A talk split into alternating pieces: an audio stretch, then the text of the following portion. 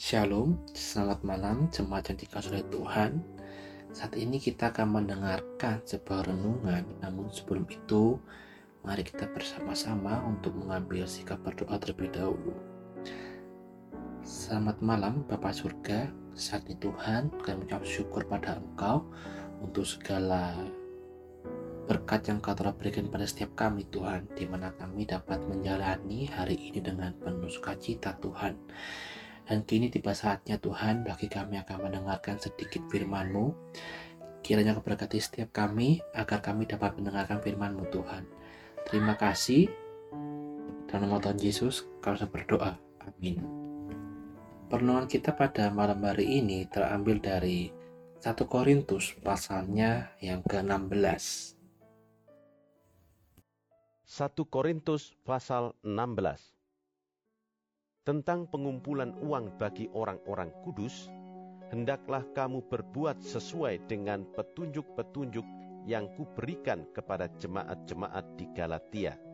Pada hari pertama dari tiap-tiap minggu, hendaklah kamu masing-masing sesuai dengan apa yang kamu peroleh, menyisihkan sesuatu dan menyimpannya di rumah, supaya jangan pengumpulan itu baru diadakan kalau aku datang Sesudah aku tiba, aku akan mengutus orang-orang yang kamu anggap layak dengan surat ke Yerusalem untuk menyampaikan pemberianmu. Kalau ternyata penting bahwa aku juga pergi, maka mereka akan pergi bersama-sama dengan aku. Aku akan datang kepadamu sesudah aku melintasi Makedonia, sebab aku akan melintasi Makedonia dan di Korintus mungkin aku akan tinggal beberapa lamanya dengan kamu, atau mungkin aku akan tinggal selama musim dingin, sehingga kamu dapat menolong aku untuk melanjutkan perjalananku. Sebab sekarang aku tidak mau melihat kamu hanya sepintas lalu saja.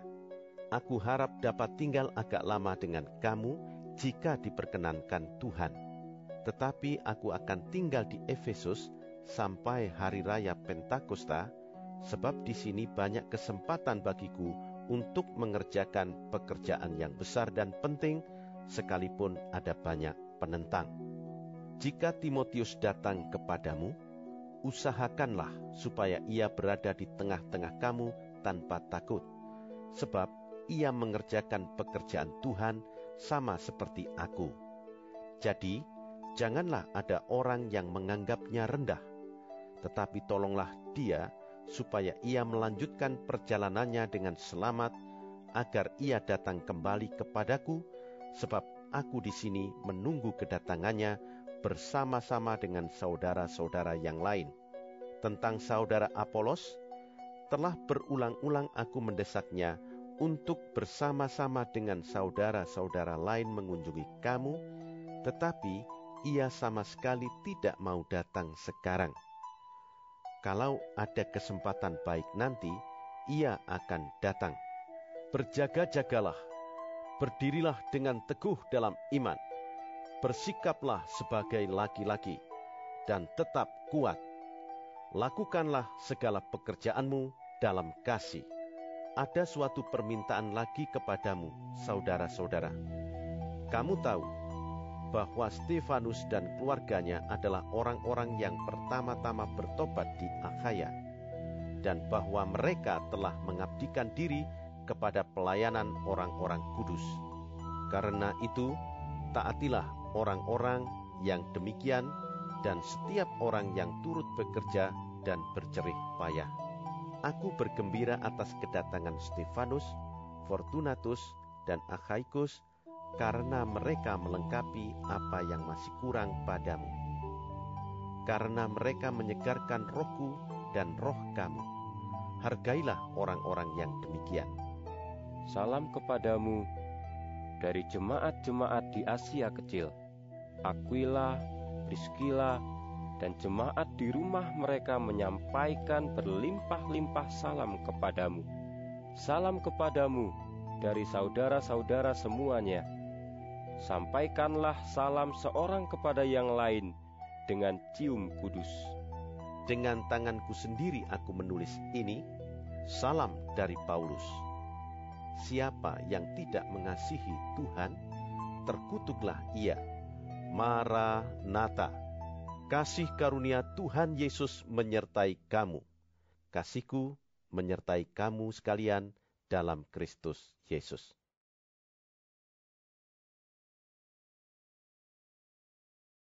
Bapak Ibu yang dikasihi Tuhan dari 1 Korintus pasal 16 kita dapat melihat di mana pengumpulan untuk orang-orang kudus di Yerusalem mengingatkan kita bahwa gereja Yesus Kristus adalah gereja yang satu.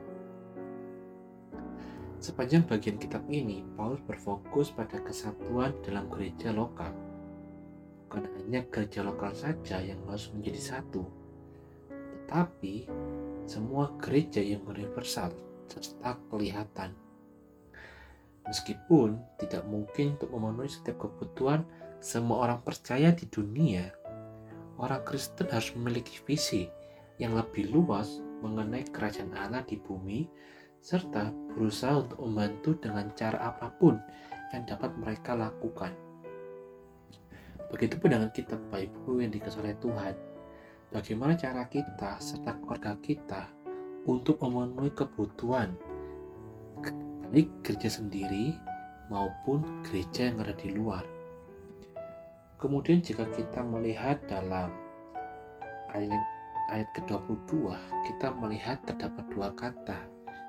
Jika dalam terjemahan King James kita melihat itu ada kata yang diartikan anatema yang diartikan sebagai kata laknat serta maranatha yang di mana kata ini membawa kita ke ujung kekekalan.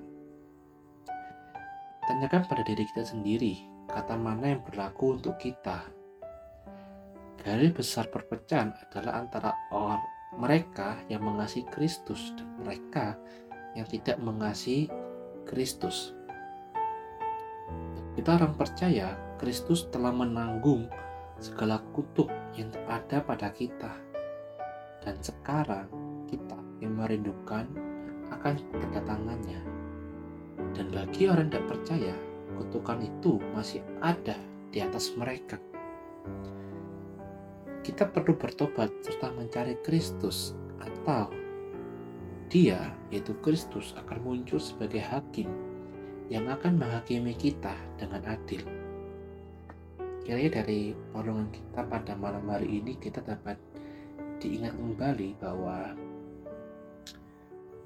Kristus akan datang, di mana Dia akan datang untuk menghakimi setiap kita.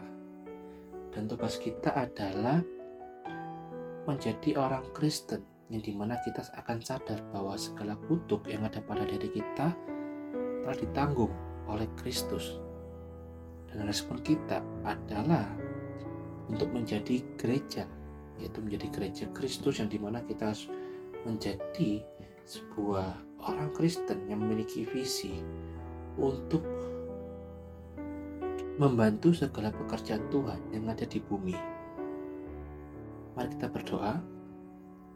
Selamat malam Pak Surga, saling Tuhan, kami mengucap syukur untuk perenungan yang telah kami dengarkan di mana kami diingat kembali bahwa kami ini adalah manusia yang sudah terbebas dari segala kutuk yang di mana kutuk itu kau tanggung Tuhan mengucap syukur untuk itu Tuhan dan sekarang adalah tugas kami di mana kami menjadi orang Kristen yang harus mempunyai visi serta tujuan untuk membantu gerejamu Tuhan yang ada di dunia yaitu dengan memenuhi segala kebutuhan-kebutuhan baik itu di gereja lokal ataupun di gereja seluruh dunia Tuhan. Terima kasih Tuhan. Kami juga mengucap syukur Tuhan untuk segala penyertaan bagi setiap kami dari pagi hingga malam ini Tuhan. Dan, dan tiba saatnya bagi kami juga akan beristirahat. Kiranya akan jaga istirahat malam kami ini Tuhan. Terima kasih Tuhan. Di dalam Tuhan Yesus kami bisa berdoa dan bersyukur pada Engkau. Amin. Selamat malam, selamat beristirahat. Tuhan Yesus memberkati.